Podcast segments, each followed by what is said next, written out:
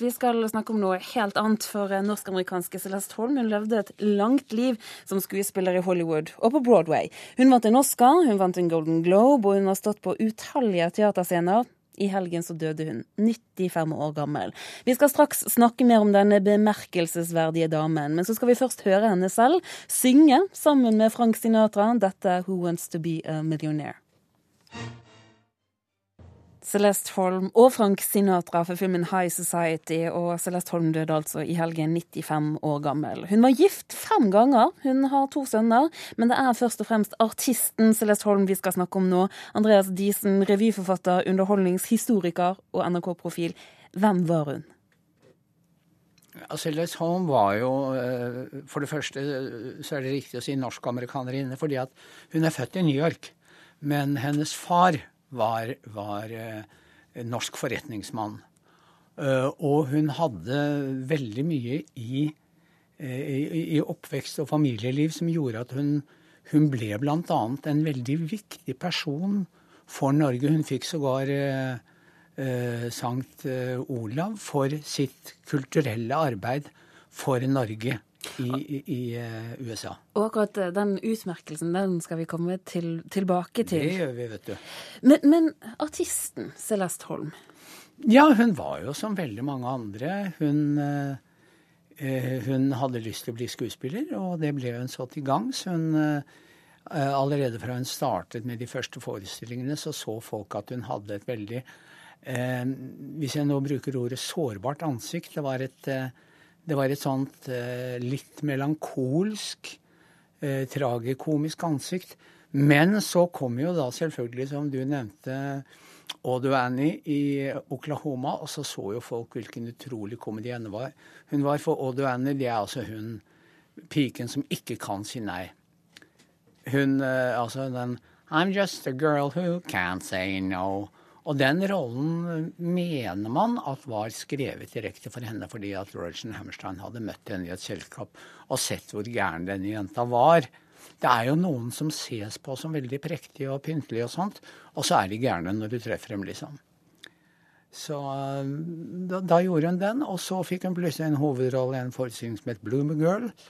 Og så kom hun til Hollywood. Hva skjedde da? Ja, da var det ikke lenge før hun fikk en veldig spennende rolle som uh, Rollefiguren het Anne, tror jeg, og det var i en forestilling som het, eller film som het 'Gentlemen's Agreement'. Og der vant hun da først Golden Globe for tolkningen sin. Og der uh, vant hun Oscar for uh, beste birolle for tolkningen sin. Og det var igjen så var det det at hun ha, hadde en tendens til å spille litt sånn ja, hun, hun, vekslet mellom å være sårbar og ond. Hun, var, eh, hun kunne være en henaktig kone, hun, kan, hun, kunne være en sviktet kone.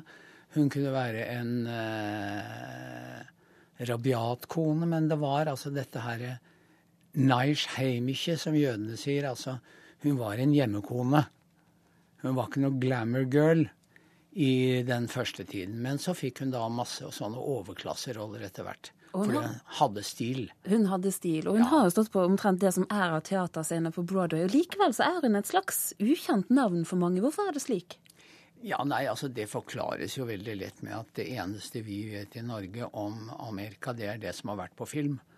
Det er bare noen ganske få som uh, drar til Amerika og ser på teater. Jeg skal ikke påpeke at jeg har vært en av dem, men, men uh, jeg har sett henne på scenen. Eh, og hun foretrukk, eh, eller foretrakk, heter det vel, scenen fremfor filmen fordi at hun likte kontakten med publikum. Hun likte å kunne liksom kna og elte og være løvetemmeren, og at publikum var løven, løvene, ikke sant. Og dette er at hun hadde kontrollen over setningene. Og det har du ikke når du er på film, for da er det 'takk', neste. Da har det gått 14 dager, og nå er det sånn. Det er ikke det samme, altså. Og så avslutningsvis, var det denne historien med denne utmerkelsen hun fikk fra kong Olav?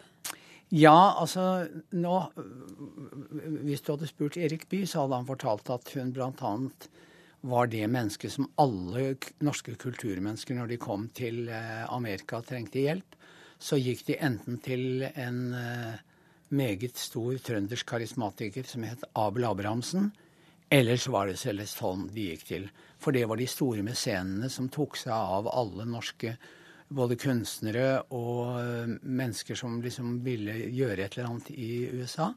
Og så var det bl.a. i forbindelse med Christian Radich, så var hun en av de, som brente for at uh, den båten måtte jo tilbake til å forbli evig i Norge. Og eh, da hadde hun jo allerede etablert seg som den store kulturforvalter og formidler for Norge i USA.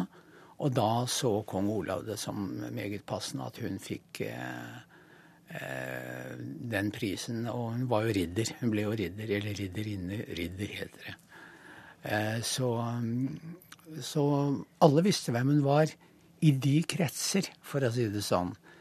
Mens vanlige mennesker, de eh, har sett en eller annen film, en Columbo eller et eller annet.